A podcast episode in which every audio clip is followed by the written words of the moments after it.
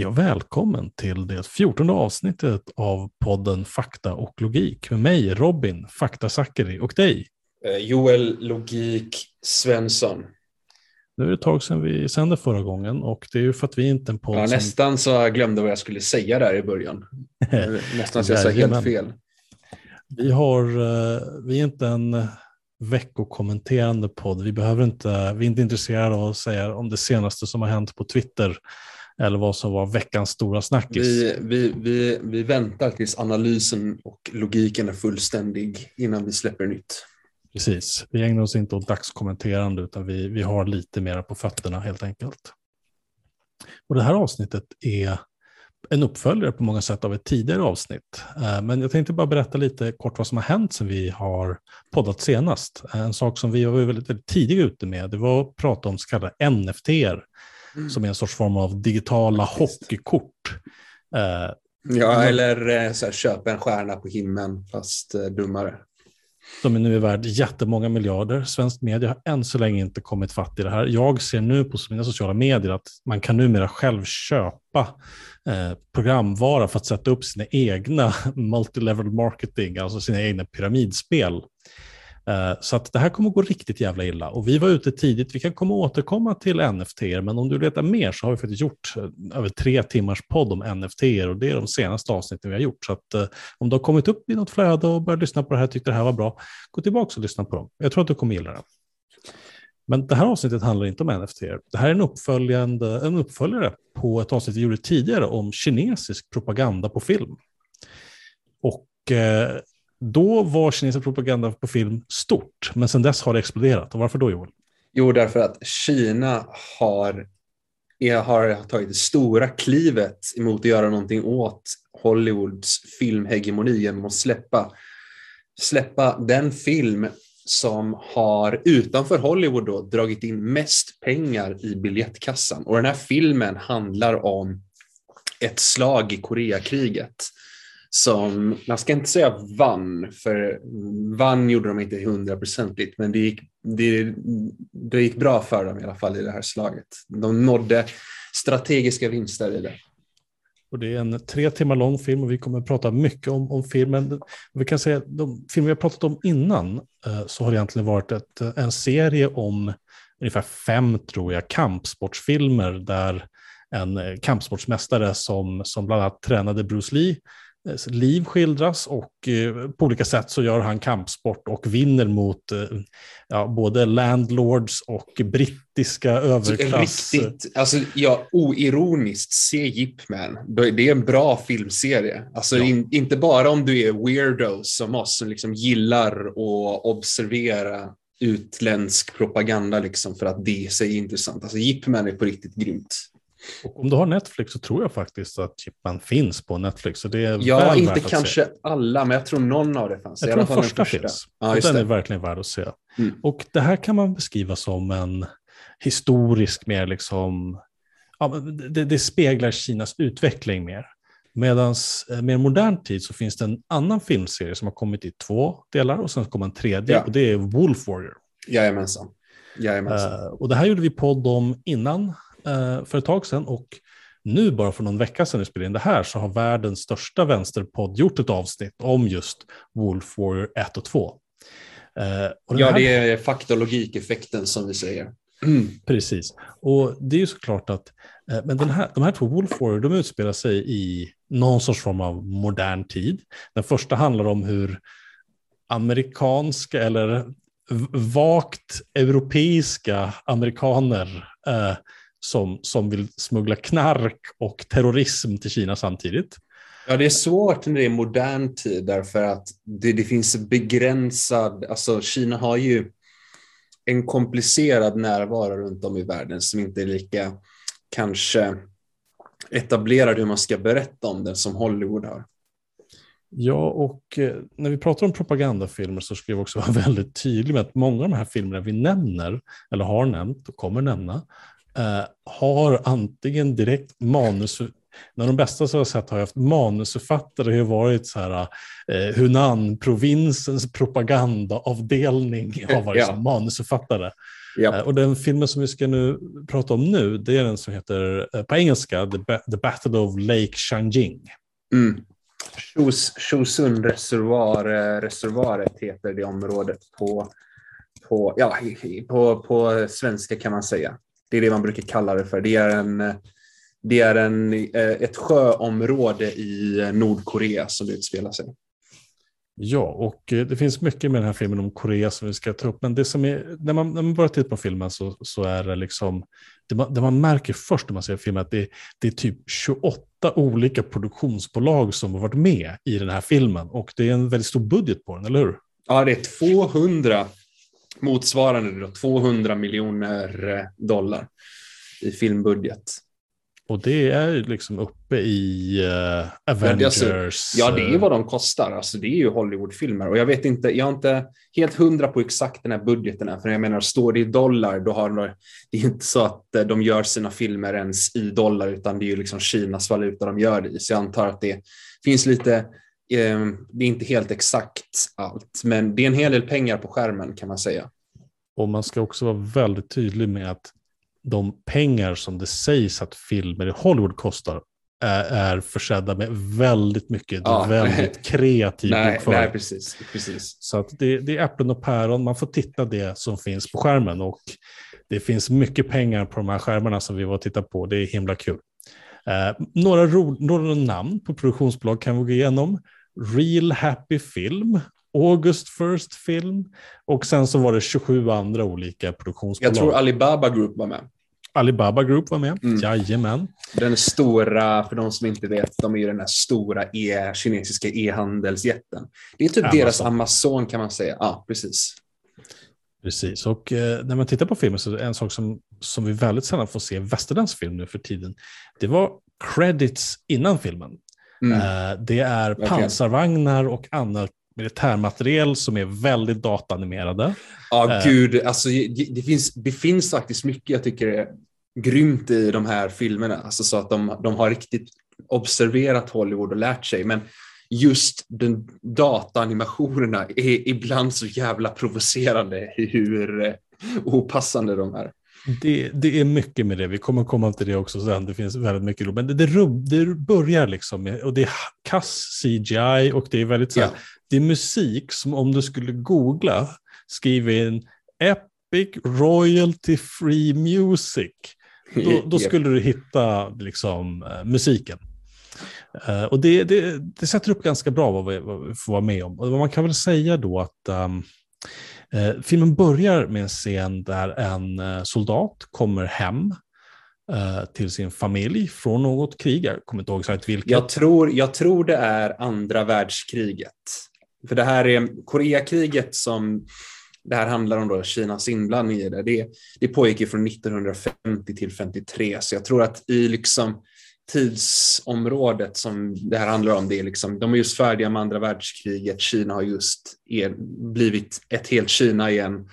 Uh, och ja, då får vi följa den här karaktären då som har kommit hem till sin familj från det.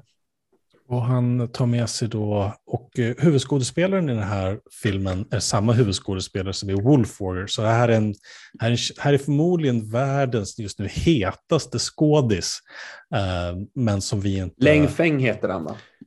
Jag tror det. Ja, Läng Feng heter han, precis. Jag uh, kommer kalla honom Wolf Warrior i, från och med nu. Har man sett honom i Wolf Warrior då, då glömmer ja, man inte att han är Wolf Warrior. Warrior. Och Eh, är inte, han kommer då med en urna eh, som, liksom är en, som det står liksom att det, han bär den här urnan med, med aska i från en revolutionär kamrat eller familjemedlem. Det är inte riktigt säkert. Det är Nej, lite svårt att hänga med mm, i filmen. Mm, mm. Eh, det är ju fylld, filmen är fylld med olika allegorier och, och olika liksom, historiska saker som vi inte förstår. Och det har jag ju respekt för att det är som, vi kan inte bedöma filmkonsten. Vi, vi, we're not their fucking target audience om man säger så. Ja, det är mycket i de här filmerna som är helt obegripliga för oss. Det är liksom referenser till saker som alltså det flyger helt ovanför våra huvuden och man vet inte om, om det är att de bara gör film halvdant eller ja, som sagt att det är kulturellt inkompatibelt. Det är det mer intressant kan man säga oavsett. Oh ja, vi finner det här väldigt intressant och det, alla som tittar på det här kommer också göra det. Uh, en liten historisk intressant kontext är att eh, den första scenen börjar tror jag runt 1945 och kring 1949 ungefär, tillbaka till 1839 så brukar det ibland talas om uh, the great, uh, 100 years of national humiliation, 100 år av, av förnedring av Kina, för att Kina blev koloniserat. Mm. Det finns olika teorier om varför. En teori är att Kina inte investerade i havsbaserade stridsmedel. Eh, och det gjorde att britternas och Europa som hade investerat allting i det kunde väldigt snabbt eh, ta, ta andelar av Kina. Och det här är någonting som går igen väldigt mycket i den här filmen och allt om den här eh, enorma längtan till upprättelse och att visa att Kina är starkt. Det är liksom det ständiga återkommande. Det är, liksom, det är lite, om, om vi ska ta en svensk jämförelse så är det liksom lite så här Göteborgskomplex, att man hela tiden måste visa att man liksom inte är dominerad av Stockholm hela tiden. Mm, mm, uh, och filmen börjar i en fiskeby och eh, den här då soldaten som kommit hem, han kommer att träffa sin brorsa. Vi ska inte berätta genom hela filmen, det handlar bara om vissa grundläggande grejer. Och hans brorsa är en liten osnuten ungdom som inte riktigt vet hur han ska bete sig. Och eh, sen så kommer det budet och som säger att nu måste vi samla en folkarmé. Och det här ordet ja, folkarmé ja. kommer du få höra väldigt många gånger i Så filmen. Det här är en folkarmé, det är inte en jävla, jävla negoknektsarmé som liksom bara är där för att hmm, ha det roligt. Precis, och det är liksom uh, People's Liberation Army eller vad de kallas på engelska. PLA. Ja, och uh, då blir han kallad tillbaka och han blir kallad för då att uh, Eh, Koreakriget, att stoppa eh, USA från att eh, avancera från vad är 38 breddgraden eller vad det är. Mm, mm. Och för att hjälpa Nordkorea. Men Nordkorea nämns exakt en gång under filmen. Ja, det, det, det är sjukt. Vi ser inga nordkoreaner i hela, hela filmen. Om jag har inte missat någonting, det är inga nordkoreaner, trots att Kina Filmen handlar om hur Kina hjälper Nordkorea. Vi ser inga nordkoreaner, inga nordkoreanska soldater eller något sånt alls tre timmar om ett krig i Korea och inga nordkoreaner. Det är, det, det är någonting som Kina vill säga där. Uh, jag vet inte mm. hur subtilt eller inte subtilt det är, men um, ja. Uh, och uh, han åker då tillbaka, då, då, det är den här klassiska, liksom, man samlar armén scener, men hans brorsa smyger med och ja, han, han får ju då vara med i, i det här kriget. Eh, men kanske ännu bättre, eller bättre, intressantare är att det är en scen, det är Mao är med i filmen några gånger. Eh, ja. Han går runt och är, och är stoisk, kan man väl beskriva det som. Ja, väldigt allmänt. Alla, alla kinesiska ledare, de, de är stoiska, de tänker mycket, de ser alltid fundersamma ut. De, de tar... skäller aldrig på några Nej, underordnade. Exakt, de är alltid väldigt, väldigt resonerande. Till skillnad från de amerikanska ledarna som är lite, lite annorlunda. Vi kommer komma till det. Ja. Uh, och uh, vår hjälte då kallas in och man får se bilder av hur liksom lömska amerikaner bombar olika fattiga kineser som mest av allt vill, ja.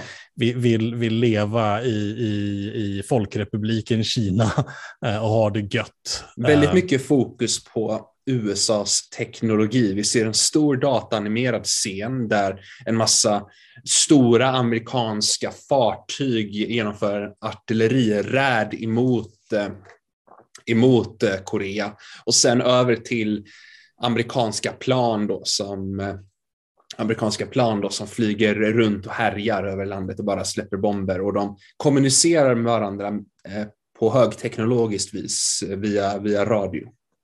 Och eh, det här är då CGI och CGI i den här filmen är, låt oss säga att den, den, den, den, den svänger som en berg och dalbana i kvalitet. Ja, ja. Ena sekunden så är den, vi vet inte om det är CGI. Ja, det, kan vara, det finns ögonblick där det kan vara väldigt övertygande.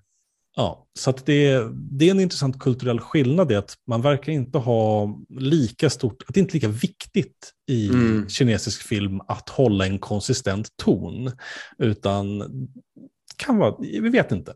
Det finns uh, ändå lite dramaturgi tycker jag, som är, alltså att det finns förståelse för filmkonst, även om det är mycket som är, som du pratar om med musiken, det är, alltså det är Hans Zimmer-esk musik och det tycker jag är lite trist, det är som att de är rädda för att göra någonting som är eget. Det är uppenbart um, att man har tittat på väldigt mycket Hollywoodfilm, ja. mycket av armémusiken, när man är så här, så här klassisk, man på amerikansk krigsfilm, det är mycket så här mm. trumpeter och det, är liksom, det låter ibland som en amerikansk krigsfilm, så det är uppenbart att man har suttit liksom antecknat och försöker imitera. Mm. Uh, och sen så finns det en nyckelscen som kommer i filmen och det är med generalen, vad heter han nu igen? Um, Douglas MacArthur. MacArthur. Och eh, de samlar ett pressuppbåd, amerikanerna, på en sån här, vad jag tror att det är, på en sån här äh, som strids, stridsfartyg. Äh, och så ja, finns hangar det... är det va? Om, det, ja, om de inte är på land faktiskt, men det är en stor platt yta. Ja, och man kan i alla fall se havet så att det liksom, man ska ja, visa liksom hur, hur, hur havsbaserade de är. Ja. Kineserna är aldrig vid havs, liksom. det, det, det, är inte, det är inte deras grej i den här filmen. Uh, och då, då är det ett pressuppbåd och den första frågan från det här pressuppbådet, det, det, är en av de bästa lines jag har hört i en film på, ja. på år och dag. Visst, jag skrattade så jag grät. Vill du, vill du berätta den? Ja, det börjar ju med att MacArthur, han, han står upp och han, MacArthur var ju en riktig eh, diva. Han var precis som Patton, han liksom, han gillade att ha en viss eh, soldatstil, eh, vilket de verkar ha förstått i den här filmen. För han står liksom med sin generalmössa och sina eh, flygsol. Ja, precis. Alltså, pilotbrillor, gigantiska, ja. gigantiska pilotbrillor. Han skriker, ja, det här kriget kommer, det här kriget kommer vara snabbt, det kommer vara över innan jul. Och då utbrister en reporter, som uppfattar det från publik. Jag visste inte ens det fungerade så att reportrar kunde ställa frågor till generalen. Jag är inte säker på att ja, det är, det är, inte, det är inte väsentligt. Det är, det är inte väsentligt. Det, det, det han frågade i alla fall var, Have you underestimated Kim Il-Sung? He has Stalin and Mao behind him. Och MacArthur han äh, skiter i det här då. Vi kommer vara hemma innan jul är budskapet. Och det är väldigt mycket i nästan alla budskap kring det här sänder ju som att Kina är här för att stanna. USA är här för att liksom ha, ha sig lite. Ja, det är inte bara att de är här för att stanna. Det här, det här är vårt hem. Alltså, vi, hör, ja. vi hör hemma här. USA är på ett äventyr. Även om egentligen Kina, så, så som det är i filmen, är de också ute på äventyr. Men det är, liksom, det är mer att USA är på kollo. De tar det inte riktigt på stort allvar. Precis, med, med, och med sin överlägsna teknologiska kraft så tänker de att det, det är som de kommer rulla rakt igenom och bara, bara äga helt enkelt. Ja, exakt. Det är en väldigt bra, på många sätt är Koreakriget ett bortglömt krig som på många sätt var faktiskt föregångaren till det som hände i Vietnamkriget. Ja. Medan man i Korea fick det till Nord och Sydkorea och i Vietnam så fick man totalstryk. Så det är liksom lite lättare att det, det, är lätt att glömma bort hur, historiskt och kulturellt Koreakriget. För att det, liksom, det var inte, det var inte åt, åt, åt ett håll som man kunde säga att vi vann och vi den förlorade. Det var mycket, det var, det var, ja, det var mycket fram och tillbaka i eh, Koreakriget kan man säga. Och det fanns en, fanns en klar gräns eh, för var kriget utspelade sig. Och efter MacArthur och man har satt liksom att nu ska vi, vi ska rulla våra tanks, vi ska, vi ska flyga våra plan, vi ska ha våra stora båtar eh, bortom den 38 breddgraden, vi ska bara ta över hela alltet. Eh, då så kommer en, nästa nyckelscen och det är med Mao Ja, uh, alltså, jag, jag, tycker de fick en bra skådis med Mao. Han uh, ser ut som Mao och tycker jag fångar liksom uh, en bra... De, de, jag tycker de, de, de fångar väl vad jag kan tänka mig är hur Kina vill framställa Mao som. En gynnsam bild av honom. Och det, det är ju liksom en, en, en, en det, det, Kina domineras till stor del av det konfucianska tänkandet där vissa dygder mm. upphöjs. Och eftertänksamhet och liksom en del sådana. Och Mao då, han vill ju såklart inte föra något krig enligt den här filmen i mm. Nordkorea. Egentligen vill han inte det. Okej, okay. men eh, oavsett, det, det, det, som är på filmen är underbart. Därför då, då kommer liksom någon av hans rådgivare och bara, Mao, du som du som kan så mycket, eh, hur ska vi göra? Och, och, då säger Mao, ja, jag vill inte kriga, förutom om det är för fred och utveckling. Precis, precis. Peace and development var liksom översättningen. Så där, det, där, det här märker vi att liksom, vi vet inte, vi, vi, känner inte till Kinas historia, vi känner inte till liksom deras touchstones, det är liksom där, där, mm. liksom, det, där allt överbyggnad byggs på. Uh, och det, det, kändes verkligen som en scen som var att här, när, när, när, den här scenen kommer, då sitter folk, då, då är hjärtan i brand. Liksom. Och den här filmen har ju satt hjärtan i brand. Liksom, det är därför det är den största uh, filmen. Ja, i, i, dollar, i dollar motsvarande så är det en miljard i biljettkassan, så jag tror filmen har dragit in. Och det är nästan helt uh, i, på kinesiska biografer. Jag vet inte fan hade de visats på biografer utanför.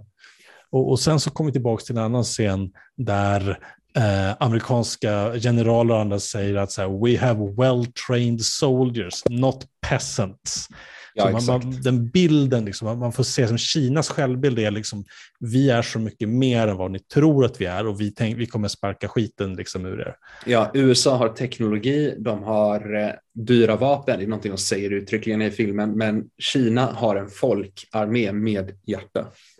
Och i den här folkarmén så är det ju inte bara eh, folket, utan enligt den här filmen, jag vet inte hur sant det är, så smyger även Maos son med ja, i armén. Ja, jag är ganska säker på det, att Maos son var faktiskt med i det här kriget. Och det är en det är viktigt. Och, och, i filmen så framstår det som att Mao uh, godkänner detta, men att ingen får veta det, förutom någon general eller någonting i, liksom i filmen vet att det här är Maos son, tror jag. Mm. Han, han dog för övrigt i Koreakriget, Maos son. Vi kommer komma till avslutningen och döden. Jag tror att han kanske är med i den sista scenen. Det var mycket uh, jag inte förstod, för det var många personer och det var svårt att se, men ja. Möjligt och lite att vi såg det. är det meningen med den här filmen. Alltså så det, jag såg igår så såg jag Top Gun för första gången.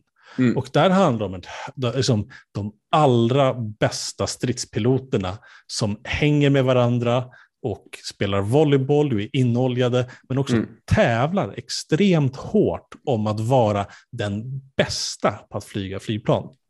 Ja i den här filmen så snar, snarare handlar det om att det är jättemånga soldater och alla strävar av att vara den bästa kamraten. Ja, alltså det i amerikanska filmer, då är det ju om att vi har, vi har, en, vi har en grupp, alltså vi har ett kollektiv som eh, där, som handlar om att offra sig eller få en, en, framträda, en, en individ att träda fram. Liksom. Saving Private Ryan, det är att alla offrar sig för en jävla person i andra världskriget. Medan den här filmen, och där ser vi tidigt också apropå det där om eh, Wolf Warriors lillebror, han vill bli en eh, krigshjälte han, han, han dras till kriget för att han vill, han vill, han vill liksom få heder, heder och ära. Men är, han blir ofta skolad om det. Liksom, att nej, du är inte bättre än någon annan. Du, en krigshjält, all, liksom alla är lika mycket krigshjältar som är med i, i princip. Du ska inte ta onödiga risker för att riskera gruppen. Och det här mm. är också en hel del dynamik i den här Wolf Warrior, där, som är kanske lite mer åt det amerikanska hållet, där det är en viss ja, soldat. Precis. Men det, det, gör också lite svårt att följa ibland i filmen, vem som gör vad. Eh, men det som händer nu är att alla liksom soldater samlas i, en, eh, i olika träningsscener där de liksom... De är på eh, bootcamp kan man säga. Alltså, inte riktigt som en amerikansk bootcamp, utan det är lite mer ståhej och fjanterier. Ja, det, det är mycket, liksom, mycket lite stojigt. Eh, i, oftast i att man är, liksom, man är på väg, eh, i och med att den här filmen börjar i södra Kina tror jag, där det är, lite, det är ganska varmt. Eh, och sen så ska de åka tåg.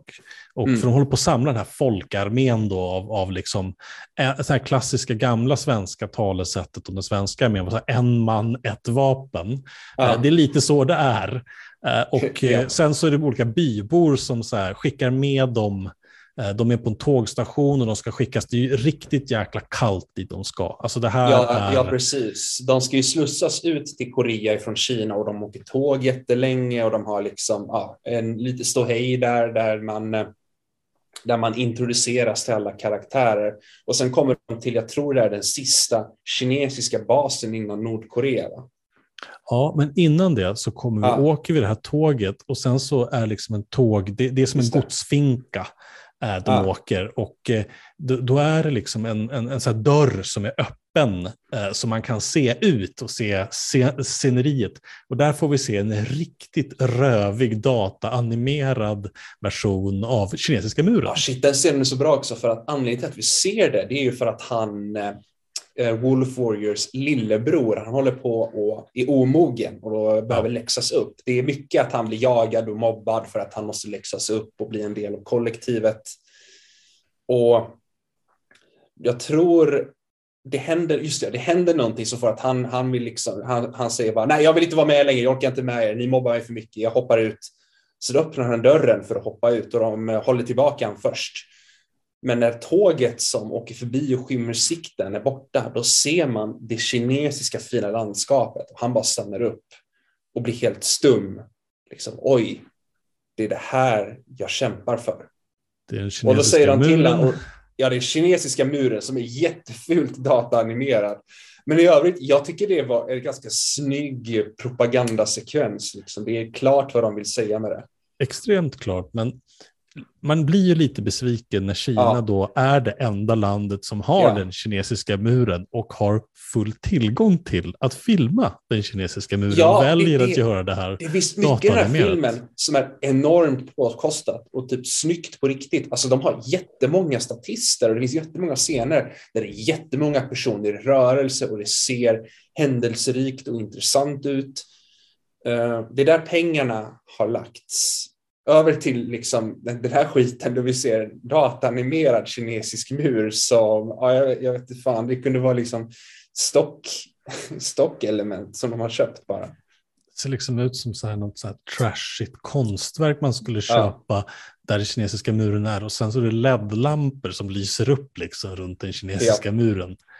Uh, nu vet jag inte om det här kommer före eller efter, men uh, man kommer till en station som är den sista innan. Just det. Då får man eh, varma kläder, för man fryser. Många av de här är liksom bönder från södra Kina. Eh, och, ja, men de lokalborna ja. skickar med dem paket med varma kläder därför ja, att deras, de, deras, de är så eh, uppskattade av det här. Den som är eh, den, befälhavaren för deras eh, grupp, liksom, han försöker att hastla till sig varma kläder, för det här är ju folkarmén, alltså, det är inte den amerikanska armén, de har inte hur mycket kläder som helst, det är liksom ett hastlande och liksom, för att få resurser. Um, och då får vi den där fantastiska scenen som du pratar om, att när alldeles när tåget åker iväg så är det liksom, vad jag antar är eh, lokala bybor som slänger varma kläder till dem.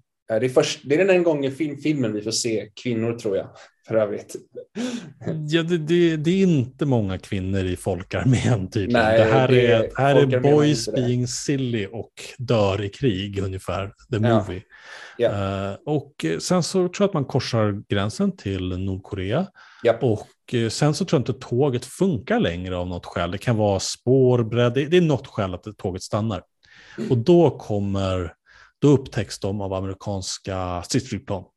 Och ja. Eh, alla liksom flyr ut och gömmer sig i en skog för att de kineserna är ju liksom, det är så himla tydligt hela tiden hur kineserna är från landet. Alltså att man är från, man är ett med naturen, man har kamouflage som passar in i naturen. Ja. Man har liksom en etik som, som, som speglar, liksom, det här är, det är karga träd, det är, liksom, det, det är Kinas Norrland, liksom. det är inte, ja, och de springer in och, och de gömmer sig och sen så springer hela, och det här är förmodligen någonting som är extremt, det här kanske är sant, jag vet inte, det var, det var hundratusentals människor tror jag som stred i, från Kinas sida. Uh, ja, det var, över, det var över, i kriget var det um, jättemånga, just i den, här, i den här striden då var det över hundratusen kineser så jag kommer Och vi följer kanske 5, 6, 7, 8, 9, 10 pers. Ja. Uh, men de springer sen till en väldigt intressant stensjöaktig, där de ja, ligger ner exakt. och amerikanska eh, odygdiga liksom, flygplan åker fram och tillbaka. Det är en ständig skräck för flygplanen som återigen knyter an till det här att USA har mycket bättre teknologi, så det är liksom att vi får se amerikanska flygplan som åker förbi och räddar folkarmén som är till fots. Och folkarmén hanterar det genom att, genom att eh, smälta in i terrängen och vara extremt disciplinerade, för de ligger liksom utspridda över den här steniga sjön kan man säga. Det är inte vatten, men det ser ut som det har varit vatten någon gång. Uh, ja. Och de smälter in och de bara ligger där och rör sig inte. Även när amerikanerna åker förbi och skjuter på den här sjön lite för skojs skull. Ja, typ för att de, jag, uppfattar det som att han, piloten hade fått is på någonstans på planet så han behövde skjuta lite för att få bort den. Ja, det, hade blivit, det, det, det, det är tydligt. Så att de liksom, och inte ens när de beskjuts så dödas jättemånga av dem. Så Ja. liksom, som rör sig folk en Och det, går millimeter. lite, det här går lite in i krigspropaganda för att det här är ju lite av en förnedring liksom för dem. Ja. Eh, och det, här, det, det är en, det, är en, mm, det är en låg punkt i filmen kan man säga, som bäddar för det som kommer sen. Och den här scenen är förmodligen också en nyckel i det här att jo men amerikanerna de behövde bara, de behövde bara testa och, och, och skjuta sina vapen lite för att lösa ett, ett problem som liksom Ja. inte är kopplat till det. Så att det, det är enormt mycket symbolik i den här filmen som man inte riktigt förstår. Man är liksom en Ja. inbjuden gäst knappt, men ja. Efter det så rör sig den här bataljonen på olika sätt, liksom genom naturen och sen så hittar de, och sen så kommer vi till den, den kanske längsta scenen i filmen som är en enorm krigsscen. Ja, de är inte framme vid sjön än. Det är Nej. det som är innan sjön. Där de är, jag tror det är i en by som de, som de slåss. Och då möter de amerikanska soldater på marken för första gången. De har gått igenom ett pass eh, och liksom, ju, mer, ju längre de går desto bara kallare och jävligare blir det. Och de stöter på den här byn som amerikanska soldater har tagit över. De har tagit över torn, olika strategiska platser. Och sen så börjar en, vad jag nu känns som att det var nog en 45 minuter lång krigsscen. Jättelång scen verkligen. Och här ser man verkligen för och nackdelar med filmen. För att det, det har varit, vad du har sagt i alla fall, upp till 900 personer som är extras i filmen. Och här kan man se hur folk springer liksom ner längs så här olika bergskammar. Vi har liksom Mm. enorma explosioner som kan vara CGI. En del explosioner ser man är verkligen riktigt dåliga. Ja, Eh, när, när kineser spränger saker brukar det vara ljusa mål, medan amerikaner Mm. spränger saker så tenderar det att vara mörka vill jag minnas. ja just det. Eh, det, det, kan ha, det kan ha goda skärmar, kan också vara propaganda. Mm. Eh, och sen flera soldater dör då, men det, vi, vi pratade jättelånga strider och liksom när de liksom begår ja, men kinesisk folkkrigs gerillakrig helt enkelt. Ja, precis. Man tar över olika amerikanska vapen och liksom, man, man, man jagar bort amerikanerna. När, liksom, när, när, när de, stridsvagnarna de har är de de tar av amerikanerna. Och de har en person till och med i, i sin grupp som har, han förstår engelska och har typ lite erfarenhet av, av någon anledning att köra amerikanska pansarvagnar. Så det är liksom, och det jag gillar med den här filmen det är att det är många setups. För det att vi får liksom reda på det här tidigare i en eh, innan de ens är ute i krig så är det en scen där eh, man, man lär sig lite om, om gruppen då alla liksom får eh, introducera sig själv kan man säga. Och då får vi reda på att ah, men det här är den här personen som kan engelska och åkt pansarvagn, vilket man kommer tillbaka till sen då när han tar en pansarvagn och begår folkkrig med den. Eller en annan person som vi får se är väldigt bra på att kasta grejer för att han kastar kulor på sin, sin röviga befälhavare. Ja, och det är något som man märker, liksom, att de har verkligen ehm, gått igenom liksom, manusförfattaren liksom, 101-kurser. Man, bara, ja, men, man gör setups, man, man etablerar saker och sen är det payoffs. Ja. Och eftersom den är så strukturellt habil, filmen, den är Mm. tre timmar lång, men den känns inte som tre timmar, för den Nej, rör precis. sig hela tiden framåt och man får Ja. hela tiden utveckling.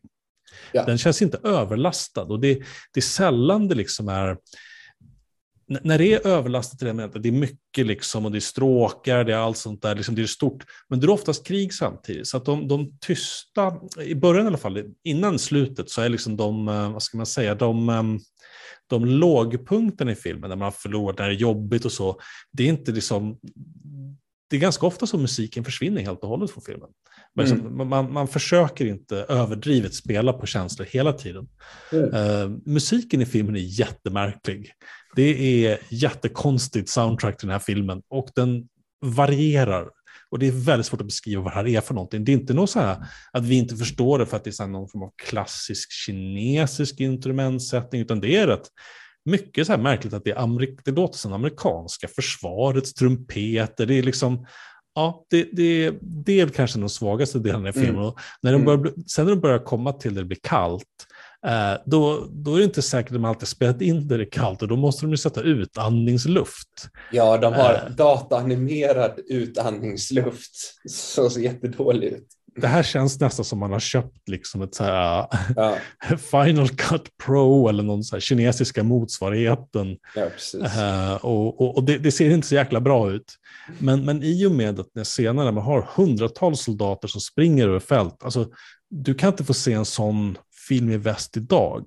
Man måste Nej. gå tillbaka till liksom kanske eh, Hollywood på 50-60-talet, så här mastodontfilmseran där man ska de stora Mm. historiska eposarna, där man spelade in liksom mycket så här med svärd och sandaler-filmer i länder som är fattiga för att då kan man ha en jäkla massa extras. Ja, Och det känns som att här har man liksom kommanderat liksom kommandoekonomi. Bara, nu ska vi bygga nu ska vi bygga en stad på tre år och bara, nu ska vi göra den största filmen vi någonsin har gjort. ja, Eh, Så att på många sätt är den här filmens kanske främsta bedrifter är logistiska bedrifter i att liksom få ihop allting. Ja, sen så har de då tagit över den här liksom byn och så från amerikaner. Och så ska de ta sig vidare liksom till den här eh, området, eh, bassängen eller vad, vad de hette nu, det här, det här sjöområdet. Där Ja. Lake Changjing ligger. Och det blir bara kallare och kallare och de, eh, det är mycket scener där folk liksom fryser och ligger uppe i, i berg.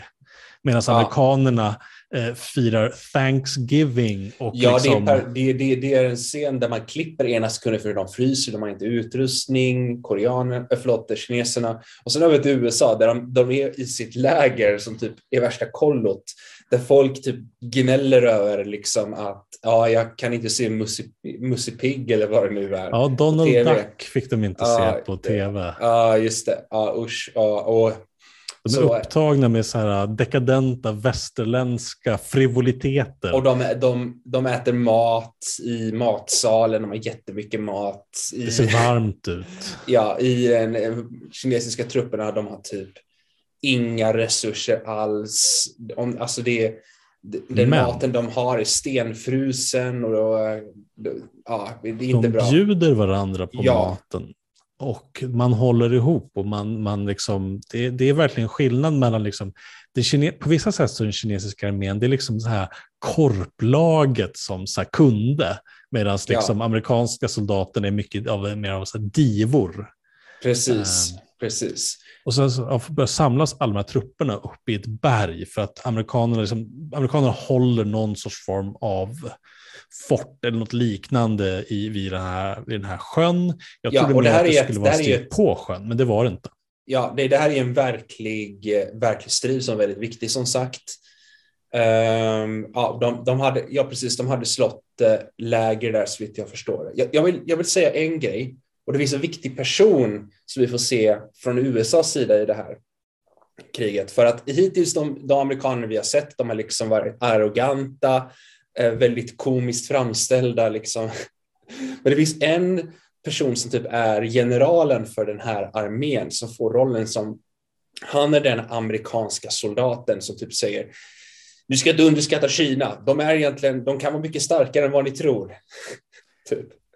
Ja, för han är den enda liksom, amerikanen i filmen som uppvisar några som positiva dygder. Precis. Eh, och det blir viktigt senare. Det blir Äh. väldigt viktigt senare. Det är kanske det bästa, bästa i hela filmen. Delar detta i alla fall.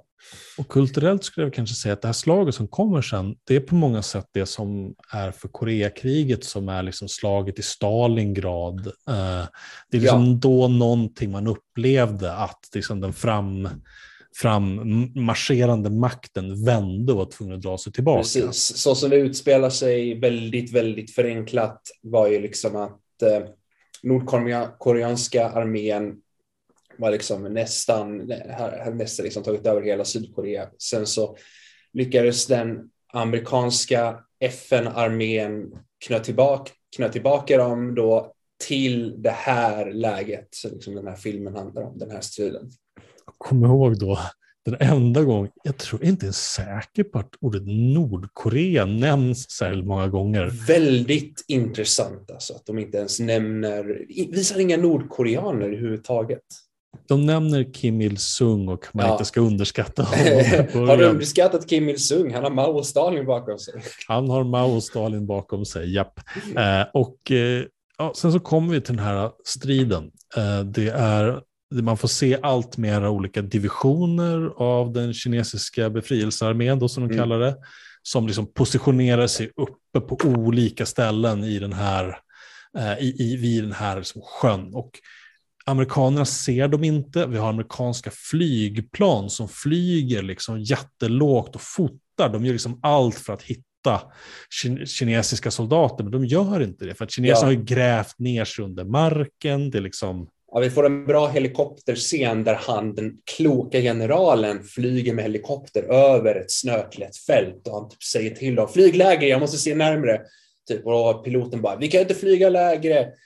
Jag kanske kraschar, jag hinner inte hem och se Musse Pigg. Um, han bara, flyg lägre. Och så kollar han med sin kikare och så tänker han, hm, det där kanske är någonting. Och då får vi se sen då att det ligger då en massa kinesiska soldater alldeles under snötäcket, blickstilla, som liksom smyger sig in till, den här, det här sjöområdet.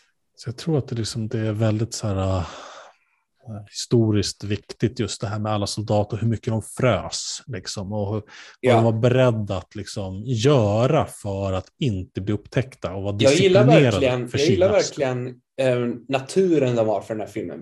Jag undrar om det inte, undrar om det inte är så att det är typ inspelat ungefär. Det är kanske inspelat där, för att så vitt jag vet så är det här väldigt sant för hur den typen av terräng är i det området. Det är liksom väldigt bergigt och det är inte Sibirien, men det är liksom ganska kallt. Ja, och det är, de börjar säga liksom, det, vi kanske har ett par minusgrader, men sen när Mm. liksom det ska börja, då pratar det som att det kanske är 30 grader Ja. minus. Ja, Och det, det vet jag väl inte om det var, det, det, kan man väl googla till kanske, sig. kanske, varför inte? Det var innan, eh, innan växthuseffekten hade trätt i kraft fullt. Och vi kan ju då se sen då att sen så, så, så satte liksom allt igång. Mm. Och eh, olika liksom, kinesiska trupper börjar ta sig ner för bergen, de här liksom, där, dit amerikanerna inte är uppe i, för de är snarare liksom i sitt läger där det är varmt, där det är gött, där de Ja. kan liksom läsa, kolla på pin-up-bilder. Ja. Eh, Det finns en bra scen där det är en, de, de fightas och lyckas ta sig in i någon amerikansk barack och så får de syn på den amerikanska pinup-bilden och de bara va, vad är det här för någonting? Det här är odygdigt. Japp. Eh, det, det är väldigt roligt. Eh, men det är, liksom, det är en jättelång strid. Det är många Ja. liksom, som offrar sig för Kinas skull. Och det är väldigt tydligt när de gör det, att de liksom gör det för armén och för sina buddies, liksom, för sin folkkrigsarmé. Helvete vad det är många amerikaner. Ja, jag tror aldrig jag sett någon film där det är så många amerikaner som blir nermejade. Det finns några explosionsscener där liksom de, de gör så här, de har sett amerikansk film och det är så här slow motion. Men det är shit, liksom- kommer du ihåg? bara- Alltså i den förra striden, innan den, Ja. den som vi knappt pratade om. Kanske ska bara gå igenom den snabbt, den är inte lika intressant, den är kanske lite för utdragen. Men det är så att, jag tror upplägget med den är, det är att de kommer ju till den här byn och det pågår redan en strid där va, i byn. Japp. Så de, de, de kör liksom en motoffensiv och de lyckas göra någon jävla linbaneaktig grej där de lägger ett paket med bomber typ på en lina som de slänger ner emot de amerikanska soldaterna. Och så är det en prickskytt som skjuter på bomben och då får vi se en slow motion animation när kulan träder liksom in i bomben på linbanan som de skjuter och den här bomben smäller. Hugger de typ fem amerikanska soldater i två delar och vi får se det. Liksom, de blir delade i två. Det är bland det mest grova jag någonsin sett i film. Det är, alltså, vi har inte gått igenom striderna så mycket. Det Nej. det är extremt våldsamt. Det är, det är, liksom, det är verkligen Det är lite, kött. say, det är lite Saving Private Ryan, alltså på ett bra sätt. Det är väldigt, alltså för Saving Private Ryan hade ju det, har ju det här när de är i den här byn och det liksom är en, för det är en sak när du har strid som bara är pang och skjut, att du har en kula som flödar och någon blir träffar. Men det är liksom en helt annan grej när du har närstrid och du liksom måste brottas med folk. Liksom och, och, och då, man försöker liksom brottnings- hugga, den andra, hugga den andra personen med kniv. Mm. Saving Private Ryan har ju en väldigt känd scen där det är två personer som, som, som brottas. Här är det typ fem personer som liksom är, som är, som är, är, är liksom i en hög och bara, bara slåss och knös och brottas i typ fem minuter fram och tillbaka långsamt. Och det är liksom, jag, jag tycker det var bra på riktigt. Jag, jag gillar det faktiskt. Ja, man märker när vi tittar på Wolf alltså, man märker att Kina har gjort, gör extremt snabba framsteg i att bli bättre på att göra film. Ja, det, ja. det, finns en teknik, det finns, liksom, det finns saker hur man gör film, som om vi tittar på filmer tillbaka längre, som kinesiska, eh, som försöker vara actionfilmer i alla fall, inte ja. liksom har, har en formula liksom som de har satt ännu. Men nu ja. märker man att okej, okay, nu, nu, nu är det några som börjar liksom skjuta på alla cylindrar. Precis. Uppmaning, min, min uppmaning är liksom skit, skit i dataanimationerna. Det finns så mycket ja. intressant i den här filmen som eh, håller liksom skit i dataanimationerna. Och det är väldigt roligt att mycket av det sättet de besegrar amerikanerna, mm. det är, mm. eftersom, de, eftersom de inte är teknologiskt överlägsna så är de ju många och de har, de har, de har luriga sätt. Mm. Alltså det är kineser som kanske rullar in under en pansarvagn och hänger ett par granater. Ja, ja exakt. De kompenserar, alltså de har listighet. Amerikanerna ja. är mer koordinerade och det kommer tillbaka till det jag pratade om eh, tidigare när de flög sina flygplan och pratade i radio. De har, jag tror det var avsiktligen så de ville säga att amerikanerna de har mer av ett system för att föra krig. Medan eh, ja, kineserna har mer, mer hjärta liksom och det handlar om, handlar om att ha initiativförmåga vid ögonblicket. Kan man säga.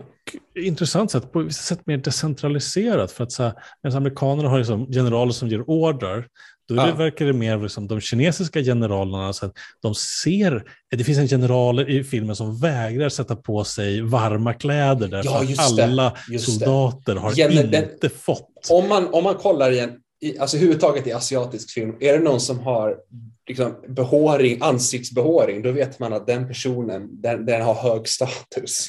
Det, det var väldigt tydligt i den här filmen att det, det var, ja, det, i den här filmen var det verkligen så. Ja. Uh, och det finns flera olika generaler och ledande och nästan alla de går mycket och liksom tänker mycket. Man ser det på deras ansikten. De, så de tänker, de, ja. de så här, aha, och sen resonerar de sig fram. Det är inte show. Det är inte, och på ett intressant, intressant sätt, den amerikanska armén framstår som mera eh, kommando ekonomiskt. Någon har sagt att vi ska vara klar med det här innan jul, medan den ja, kinesiska precis. armén säger vi, vi bedriver folkkrig, vi kommer göra det på alla sätt, vi kommer ja. att Liksom, om ni har sett Futurama någon gång så finns det ju den här uh, Sapper Brannigan som är den extremt ja. självgoda generalen som säger så här, ja, uh, I'm prepared to send waves and waves of men at this. Och ja. det är vad Kina kan göra, för att det är det de har. Ja, vi ska de säga om det, att även, även om det här var en stor vinst för um, den norra sidan i Koreakriget, det var jättemånga som dog. Det var väldigt kostsamt, kan man säga, det de lyckades åstadkomma. Och när vi kommer då till den här um, stora striden. Det, det, det är jättemycket action. Det finns inte så jättemycket att säga annat än att när det är många människor i rörelse. Den här filmen har en koreografi av människor ja, typ i rörelse. Snyggt. Alltså, det är snyggt foto också. Det, det finns ja. vissa, den här förra striden som vi knappt pratar någonting om förutom att amerikaner blir huggna i två delar. Den hade en färgpalett som jag inte riktigt gillade. Det var jättekonstigt, väldigt gul. Ja, därför att det, var, det skulle liksom symbolisera att det här var, det var upplyst av eld, liksom gul ja. eld. Men den här, det här är mer... Det var mer som att man bara hade så lagt ett kissgult filter och bara, nu förstår ni att det brinner överallt, okej? Okay? Ja, ja, precis. Medan det här var mer, det här var ett snötäckt område som var upplyst av eh, av sådana här eh. Sin, äh, signalraketer var det väl mer? Ja, just det. Det var mycket signalraketer. signalraketer. Så det var liksom äh, rött, äh, liksom vitt ljus som snön, rött och gult. Ser väldigt, så väldigt, väldigt bra ut. De hade bra kameror för det här. Jag tror de hade ja. ganska bra utrustning. Så, fort filmen, så fort filmen inte ägnar sig åt digitala saker så ja. är det, det, det, du kan inte se bättre liksom, stora scener i en Hollywoodfilm. Allting är CGI. Nej, och CGI är så bra nu så att folk i väst, liksom, vi tycker inte att ah, det här ser ut som skit. Mm. Det är sant men man känner ingenting. Det känns stumt. Medan i Kina, det som i den här filmen, ser man att det är hundratals människor som springer i, liksom, med Ja. gevär och skjuter saker som exploderar. Alltså det, det är riktigt ballt. Det, det, är, det är som att hitta liksom en, en gammal eh, en gammal storfilm som aldrig liksom... Just det, jag kom, på, jag, kom på en, eh, jag kom på en detalj. Du pratade ju lite om hur den amerikanska arrogansen, vi kommer vara färdiga innan jul. Alltså, det är ju helt sant, det var så de sa. De trodde ju det, att de skulle vara färdiga innan jul. Det var någonting som MacArthur sa om och om igen. För de mötte väldigt lite motstånd liksom, tills de kom till den här sjön i princip. Det, det är väl en sedelärande historia som Kina Ja. förmodligen gillar att säga just att amerikaner har alltid sagt att "Ja, men det här blir klart snabbt. Vi har Irak, vi har Afghanistan, vi har Vietnam. Mission accomplished. Mission, det, det, är liksom, det, är, det är en kommentar på Mission Accomplished sam, liksom, eh, inramningen. Och Ja. det hela tiden liksom bygger tillbaka just liksom så att det här, det, här är, det här är vi försvarar vårt land. Och jag, jag undrar lite om hur Nordkorea tycker om det här. För det, det, det, filmen känns lite som att Kina har lite aspirationer på Nordkorea, om man uttrycker sig så. Ja, det, det, är intressant, alltså jag, har inte, jag har inte ens tänkt på det på det sättet. Jag tycker bara, jag tänker mer att de skäms för Nordkorea, men det kanske är, det kanske är så i förlängningen. Jag, jag kan inte tillräckligt mycket om Nej, inte jag heller. kinesisk geopolitik för att ve- veta det, men jag får... Kinesisk-nordkoreanska Ja. relationer har jag väldigt dålig koll på. Den, här, den här filmen som sagt, den är ju den är inte, den är, ett beställ, den är en beställning ifrån det kinesiska propagandadepartementet. Det är Alltså, den enda off- filmen man vill se nu. Officiellt. Ja, Ja. Alltså oironiskt, jag älskar filmer som är propaganda. Mina favoritfilmer är propaganda. För det är liksom, det är liksom, är det inte det du vill se i film? Att någon försöker faktiskt övertyga dig om någonting. Alltså, det kanske, är- man kanske kan säga mer om att det inte, det finns mycket att vara skeptisk emot när liksom en stat bedriver denna propaganda. Mina favoritfilmer är exempelvis Death Wish eh, och Starship Troopers. Liksom. Men ja det, ja, det är någonting jag gillar. På många sätt så känner jag den här är väldigt... Ja, man, det är någonting Starship Troopers. Det, det här är en helt... Det här är en film helt befriad från ironi. Och det är det som är så Ja. skönt att se en sån här film. Därför att liksom all nästan Hollywood-produktion som gör nu är liksom ironiförgiftat. Det här, den här Eh. filmen är fan kinesiska Starship Troopers när jag tänker på det. På, alltså det, är inte, det, det har inte den här komiska Verhoeven-överdriften, liksom, för att den är gjord helt ärligt. Men liksom, ja, den är väldigt mycket det. Och sen då så har vi ju den här striden som kineserna vinner.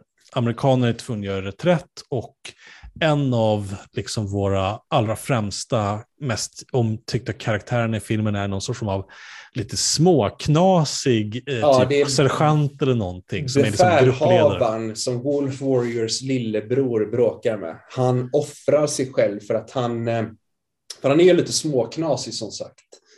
Och det mynnar ut i, det jag gillar, de har många setups, att i och med sin småknasighet så har han en uppfinningsrikedom som gör att han räddar sin grupp genom att USA de släpper en bomb, men det är inte en vanlig bomb utan det är en rökbomb som signalerar för andra flygplan Här ska ni bara komma och skjuta skiten Ja, bomba det här, för de åker jättelångt upp i luften ovanför molnen och när de ser röken tänker de liksom, ser de liksom, okej, här ska vi bomba, det är signalerat.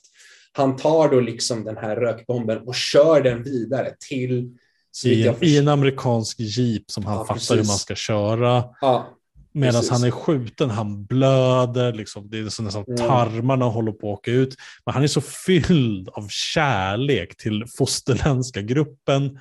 ja, Och sen så är det kanske en av de mest rörande scenerna, det är när han faktiskt, det här, uh, han dör. Ja. Och det är väldigt osentimentalt i den meningen. Alltså, det är inte så här, när han dör, då gör ingen i gruppen det som att så här, du gjorde det för Kina, utan det är som så här, det är bara att nej. han, han, han säger det är kallt, Det är mycket- dåligt. Det är Eh, mycket kamratskap. Det är liksom att han, det, en av bomberna från den här planen träffar till slut hans jeep. Den flyger runt, landar ovanpå honom och hans kamrater rusar dit, säkert tio stycken. De lyckas, de lyckas liksom vända på jeepen, men han är fortfarande dödligt skadad, omringad av sina kamrater. Det, det, känns nästan som att man tittar på filmen så borde det finnas en så här, äh, så här flashande bokstäver där det står så här folkkrig. Äh, folkkrigsstämning och det är vissa som är verkligen så. Det här är en sån scen. Men, men, när de lyfter upp den här bilen från honom så är han döende, det finns ingenting de kan göra. Och, och då är det liksom, han bara berättar hur jävla jobbigt det är att dö ungefär. Och det, det görs inga åthärvor, liksom, att du gjorde det för Kina, utan det finns bara liksom en sympati från gruppen. De är där, de ja. är med honom när han dör och det är liksom ja, det viktigaste de kan göra. Effektiv propaganda. Effektiv propaganda är inte bara liksom att du visar liksom din ståndpunkt hela tiden, är att du visar även vissa bistra sanningar. Och det skiljer väldigt mycket som jag såg, liksom, uh, såg Top Gun. Top Gun utspelar sig vad jag tror är, jag kan ha fel, i Kalifornien eller i Florida. Det är någonstans där i alla fall är väldigt varmt, det är soligt. Uh, det är liksom, de, de, om det jag inte är det. Jag trodde, jag trodde det typ var någonstans ute i så här Hawaii, Stilla havet. Det är extremt otydligt tycker jag. I Hur den fan filmen. kan de annars liksom träffa på ryssar om de inte ja, är... Det, det finns, Top Gun är jättemärkligt, det finns ingen konflikt.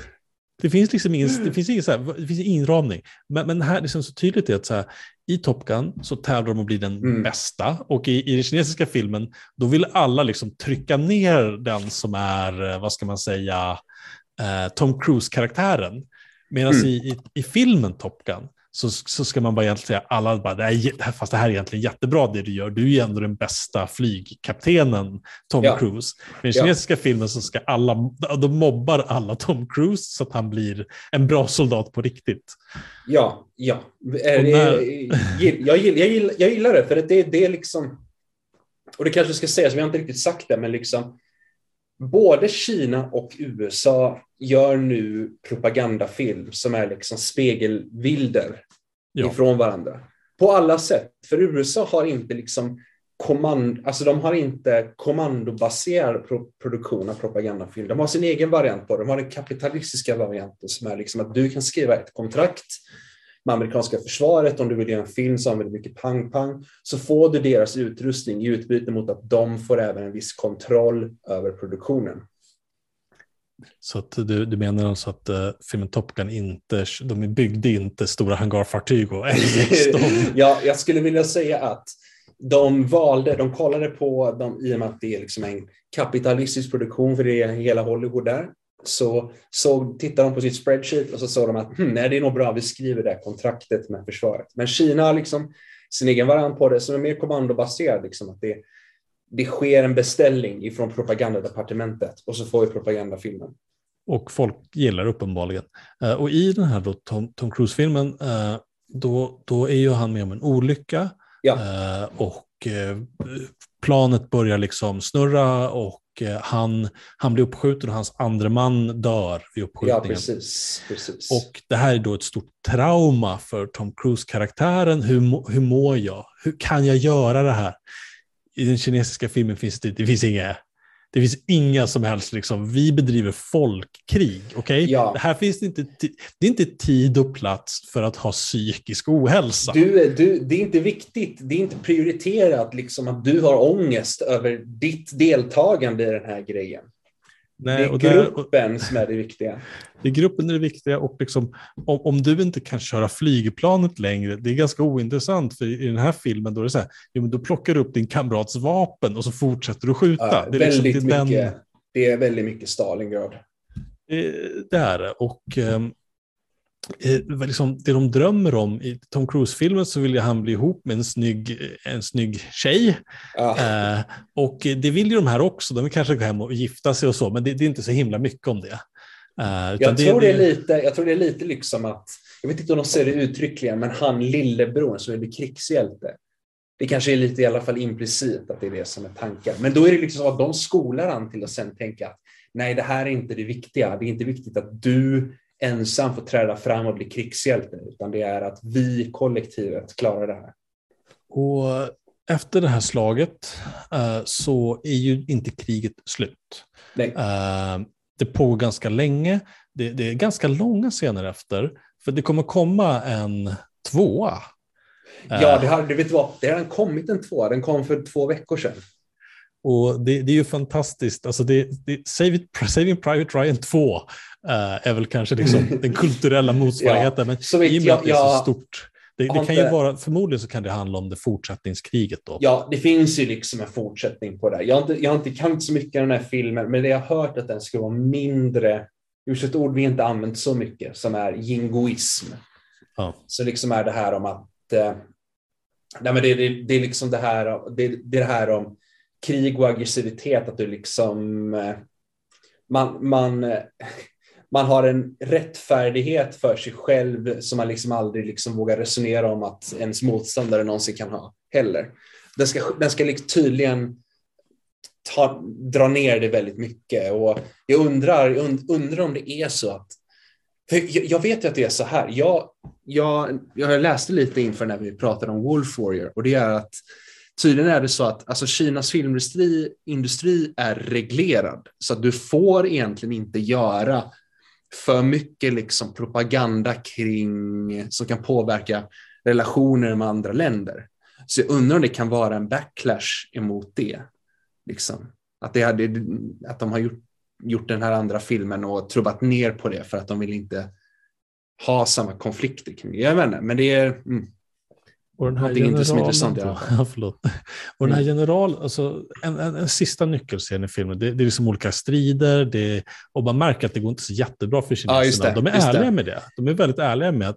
Jo, men, ja, men, va, hur, hur, menar, hur visar de det menar du? jo, men alltså, så det, det, kommer strider sen. Alltså, man visar olika, folk skjuts, det går, så här, det går dåligt. Det är liksom lite om det här som fortsättningen. Och sen ah, finns okay, det en ah. scen där den här generalen som den dygdiga ah, amerikanska det, generalen mm han, han kommer liksom till någon bergstopp eller liknande och så ser man ett antal ja, fastfrusna precis. kinesiska precis. militärer som ligger i, i stridsställning ja, de, de är bara typ. Ett, ett bergspass och ja. när de går liksom alldeles över bergspasset så ser de kinesiska soldater med sina gevär riktade mot de amerikanska trupperna och de amerikanska trupperna blir liksom rädda bara ah, vi måste skjuta på dem. Generalen säger, säger liksom nej vänta, vänta, han går fram och då ser de att de är ihjälfrusna.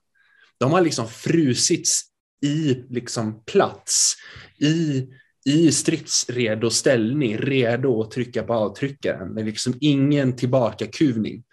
Och han respekterar... Nej, de, har liksom inte, de, de, liksom, de ligger inte som en människa som frusit i död som precis. De blir inte i, det är inte i fosterställning, det är liksom inte som att åh nej, jag mår, mår dåligt, utan de är redo för strid. Och det här, det är därför den här karaktären gjordes på det här sättet. Han tidigt etablerades som en med mer liksom dygdighet och respekt för, sina, för Kina. Han, och det här har de snott för Hollywood, för det här är någonting som Hollywood har gjort flera gånger tidigare i sina filmer, liksom, på det här sättet. Att han då, han överväldigas av, av respekt och gör givakt för de kinesiska soldaterna som är ihjälfrusna. Så kanske pekar mot en andra film som kanske handlar lite mer om att amerikanerna förstår ja. nu Kinas makt och därför så drar de sig ner till den 38 breddgraden eller vad det nu ja, exakt alltså jag, jag, våg, jag, vågar inte riktigt kolla på den andra filmen. Jag är rädd att jag ska bli besviken med vad jag har hört. För det jag gillar är ändå propagandan, så jag vet inte. Om de drar ner på det. Mm.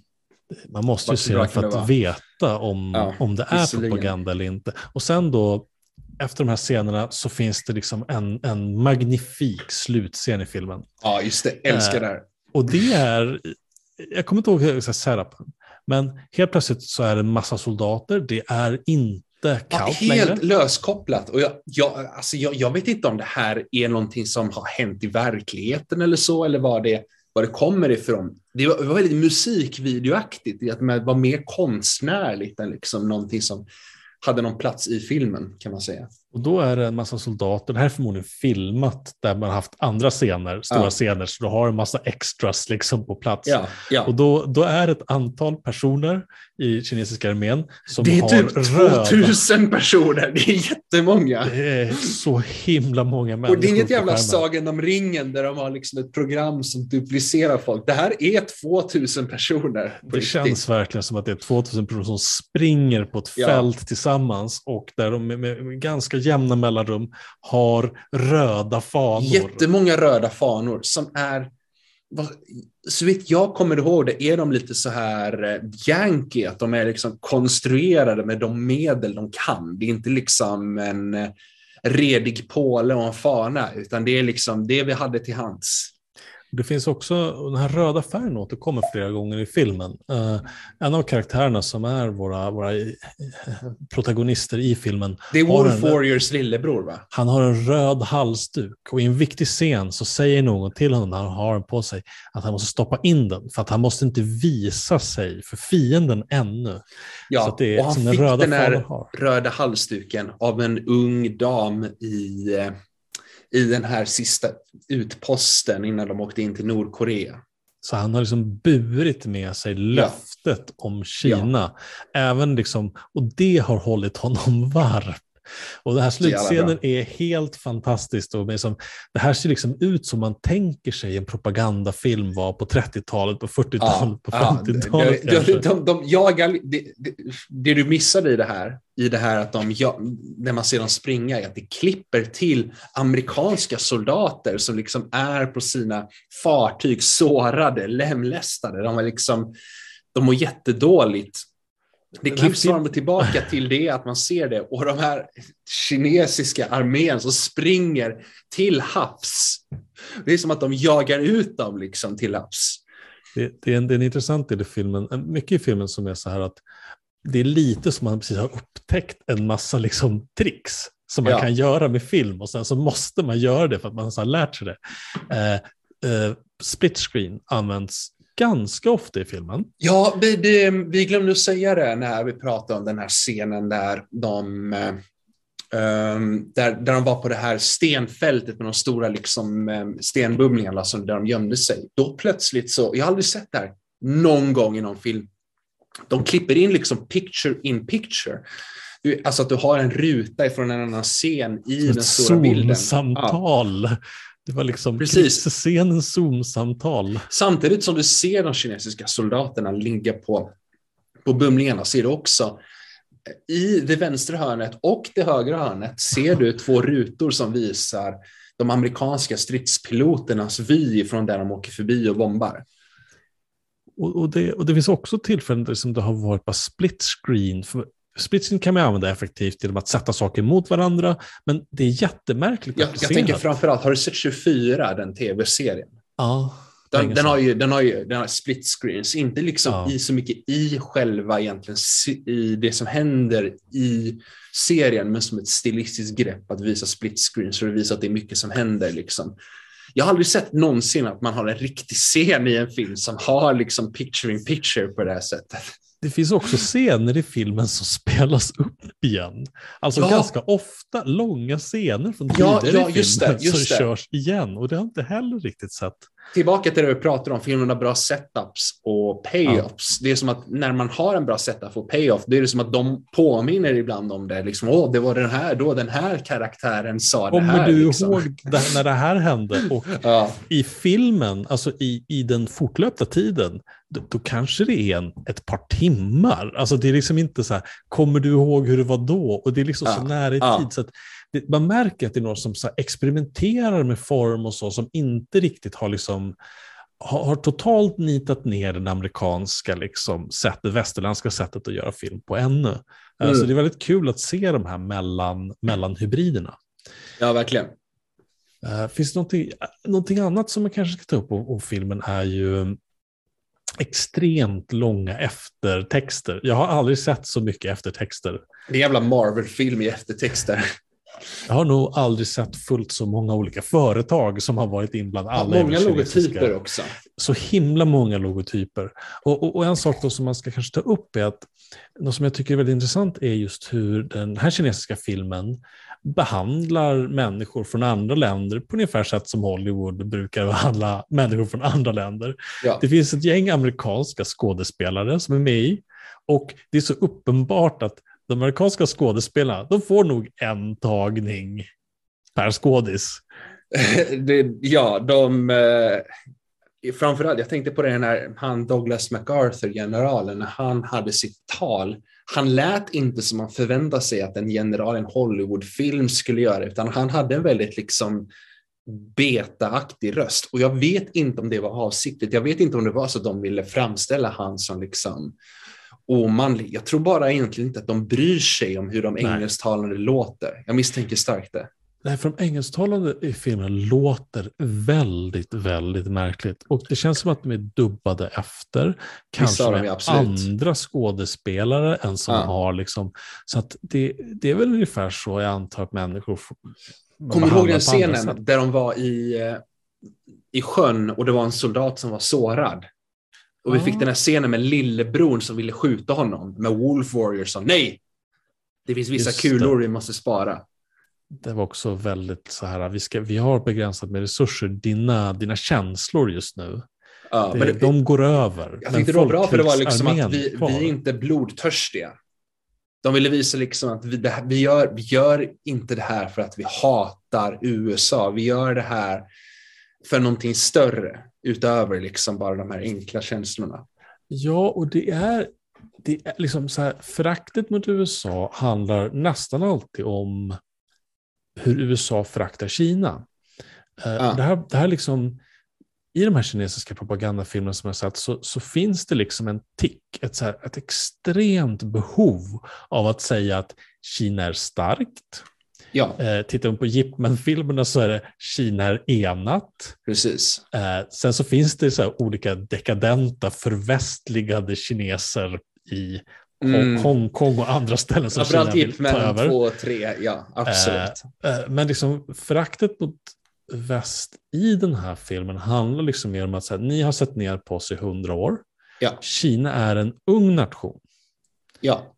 Vi kommer inte tolerera det här längre, men det handlar mycket mer om att, så här, att vi kräver respekt. Så det, det, är väldigt så här, tydligt att man hela tiden vill projicera bilden om att Kina är väldigt starkt på ett sätt som man märker är lite så här smådefensivt hela tiden. Ja, det är, det är mycket, mycket behov av att hävda sig hela tiden kan man säga. Och jag, jag vet inte om det är, för jag menar det här är ju, jag kan inte uttala mig exakt hur det gick till när filmen faktiskt producerades, för den är ju som sagt ett beställningsjobb så vitt jag förstår det från propagandadepartementet. Men hur det väl gick till när filmen producerades sen i efterhand, ingen aning, men det kanske är så liksom att de har instruktioner om att vi vill inte vara för jingoistiska, för det finns ju som sagt den här ändå idén om att Kinas filmindustri ska inte stöta sig för mycket, vi ska liksom inte skapa diplomatiska kriser och så. Det är liksom, om vi tittar på de kinesiska filmer som vi har sett, när vi pratar geopolitik i det här kontextet, så är liksom Koreakriget, det är lite mer safe att hålla på och ha sig. Därför ja. att väldigt få i USA kommer ihåg Koreakriget. Precis, precis. Nästan alla som var med dog. det är inte, alltså så här, eller, eller, har dött. Liksom. Alltså det är typ enda, den, denna kulturen om kult, Koreakriget jag upplevt, det är MASH. Som egentligen inte handlar ens om Koreakriget, det handlar om Vietnam, även om det utspelar sig i Koreakriget. Men liksom, that's it. Ja, det, vi kan, jag, jag, kan inte, jag kan inte komma på en enda krig, film om Koreakriget förutom nej, nej. den här nu då. Nej, precis. Så att, men tittar man på de andra filmerna så har vi ju liksom, om vi tittar på Wolf Warrior, första Wolf Warrior, då handlar ju det om liksom hur amerikanska legosoldater det här är inte ja. amerikanska staten, den är inte inblandad alls. Det här är, det här är degenererade Nej. skurkar som ja, vi ska ja. besegra. så det är ingen precis. aggression mot USA per se. Eh, det kanske är jingoistiskt pro-Kina, men det är liksom inte anti-USA. Och i den andra filmen... Det är försiktigt då... liksom att man vill säga att det, ja, man, man, man vill inte, man, man, man vill återigen inte skapa onödiga konflikter och säga att det här är någonting som USA står för ändå. Att det är, det är individer som utför de här jobbiga grejerna från Kina, inte någon större makt än det. Och i, i den här uh, nya vågen med kinesiska propagandafilmer så kopplas det ihop ganska mycket med den faktiskt förda politiken. För att det finns ett begrepp som har etablerats efter Wolf Warrior-filmerna kommit ut med Wolf Warrior Diplomacy. Alltså ja. det har blivit en grej i Kina att se sig själv i armén som just Wolf Warriors. Eh, mm. Uh, och, för det har ju varit en väldigt lång period då man liksom på många sätt har sagt så här, men Kina, det, det är internt, liksom, Kina kanske så bara, vi ska inte visa vår fulla makt än. Mm. Vi mm. bider vår tid. Men mm. det finns de som då kremlologiskt eller beijingologiskt, eller vad kallar man folk som, är, som spekulerar om Kina, likt vi gör. Sinologer. Uh, sinologer. Liksom. Jag, jag, vet inte om det heter det, men jag kan tänka mig att det är Jag tror inte? Sinofiler kanske. Sinofiler, ja det, det är mera folk som bara älskar Gillar Kina. Kina. Ja. Ja, och det, det, det, det kanske pekar mot en, en annan kinesisk förhållningssätt till liksom, omvärlden. Mm. Uh, det är alltid så kul att se den här diskussionen om ja, men nu ska man sätta hårt mot hårt mot Kina, men det är ingen som menar allvar med det från väst, därför att Kina tillverkar alla våra grejer.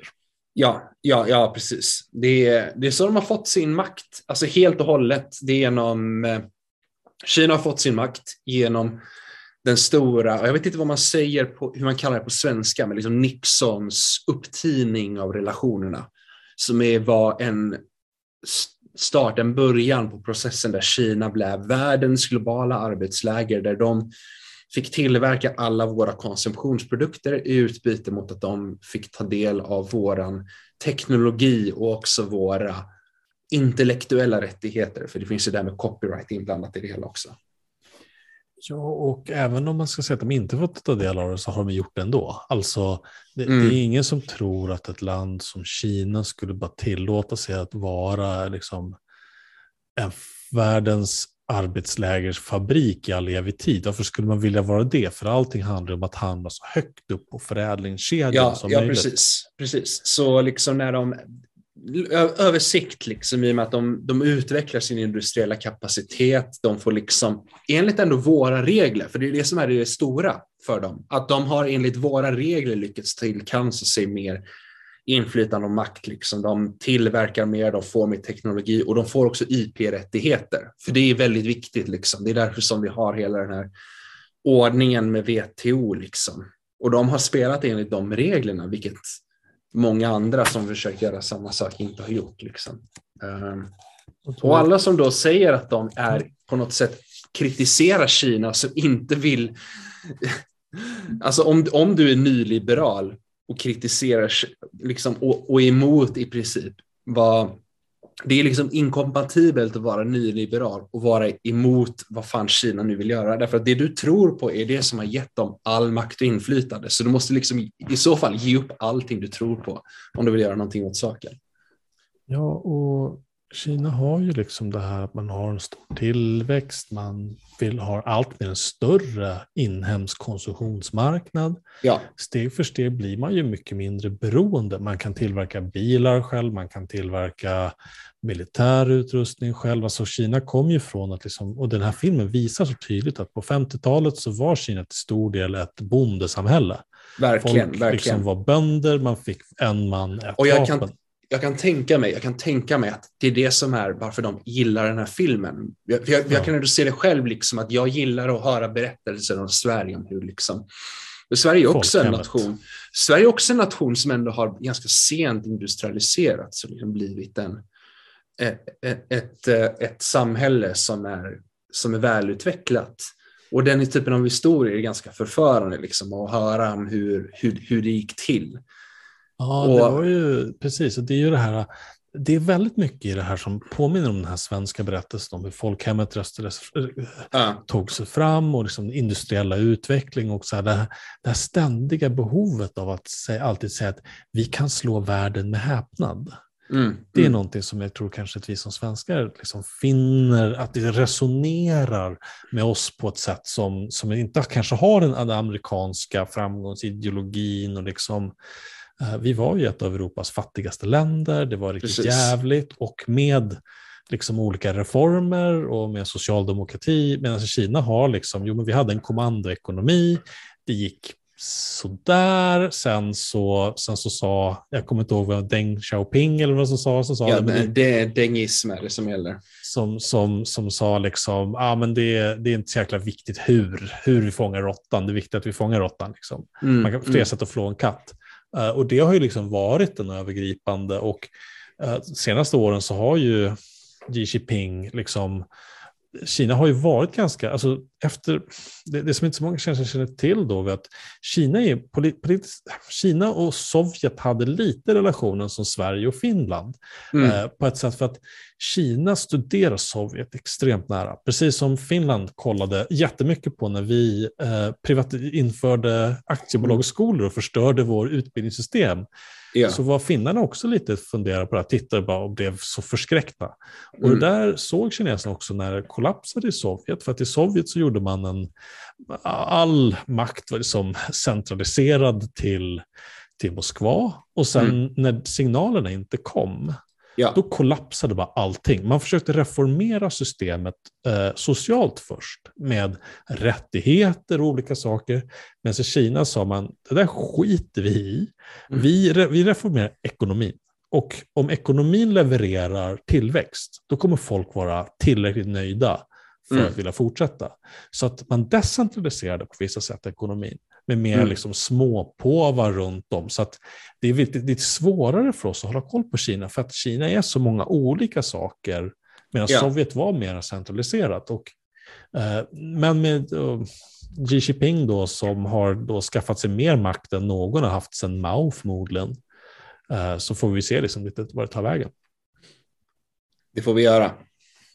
Och vi kommer ju såklart att titta på kommande kinesiska stora propagandafilmer eller andra ja. länders propagandafilmer. Men då ska det vara riktigt god propaganda. Då blir det inte bara så att ja, men vi, kan inte titta, vi tänker inte titta på Marvel-filmer och säga att det här är propaganda. Det vi vill ha är någonting mycket mycket, ja, mer djuriskt, någonting mycket mer tydligt. Ja, ja precis. Det ska... Subtilitet, det är vi helt emot i den här podden. Ingen jävla Iron Man, ingen jävla eh, för, försvarsindustri, apologetism liksom, eller någon sån skit. Det ska liksom vara tydligt och rakt för att det ska vara intressant. Det ska vara liksom blodtörstigt eller dygdigt. Det är liksom de två, de två liksom. Så om du som lyssnar på den här podden har tips på bra propagandafilmer, ja från andra länder. Vi, vi kan titta på vilka länder som helst.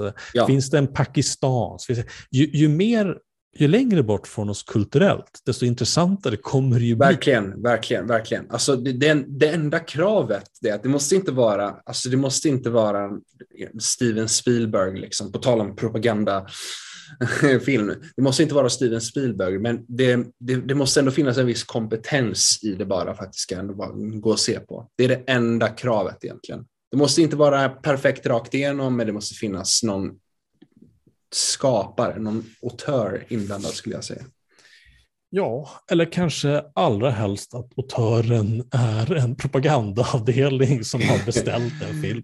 Japp. Yep. Och med de orden så har jag ingenting mer att säga på den här veckans faktalogik. Nej, nej, det har varit högintensivt kan jag själv känna. Jag har inte så mycket mer att tillägga faktiskt. Och vi har en plan för flera avsnitt nu under våren. Är inte riktigt spikad yep. ännu, men vi, har, vi kan vara tvungna att återkomma till NFT. Eh, och om du är trött på att höra om NFT nu, oh boy, de närmsta månaderna och åren kommer vara extremt mycket om NFT och det kommer bara bli värre. Yep. Eh, så att om du vill veta, om du vill, om du vill lyssna på en podd som ger de långa linjerna, de stora linjerna, då lyssnar du yep. på den här podden. Det gör du. Följ oss på Soundcloud och så vidare. Där ja, vi, vi, vi, eh, merch down below. Klick the links. Vi har inga affiliate-linkar, vi har ingenting, vi kan inte sånt. Vi, vi är in... bara intresserade av att prata om, om smala saker. Och framförallt fakta och logik. Så hela den här var bara fakta och logik. Yep. Ha det gott. Ha det gött. Hej hej.